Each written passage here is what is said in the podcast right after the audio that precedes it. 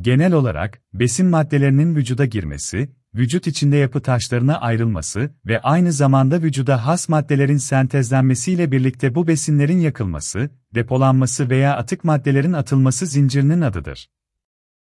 Bu zincir faaliyet ömür boyu her gün düzenli olarak devam eder. Bütün metabolizma olayları doğrudan veya çapraz etkileşim yoluyla birbirleriyle ilintilidir. Sağlıklı metabolizma Dengeli, doğal bir metabolizma için tüm vücut fonksiyonlarının uyumlu bir şekilde çalışması esastır. Bu da fizik ve mental açıdan iyilik demektir. Hem canlılık hissini arttırır, hem de planlı bir yaşam sunar. Paylaştır.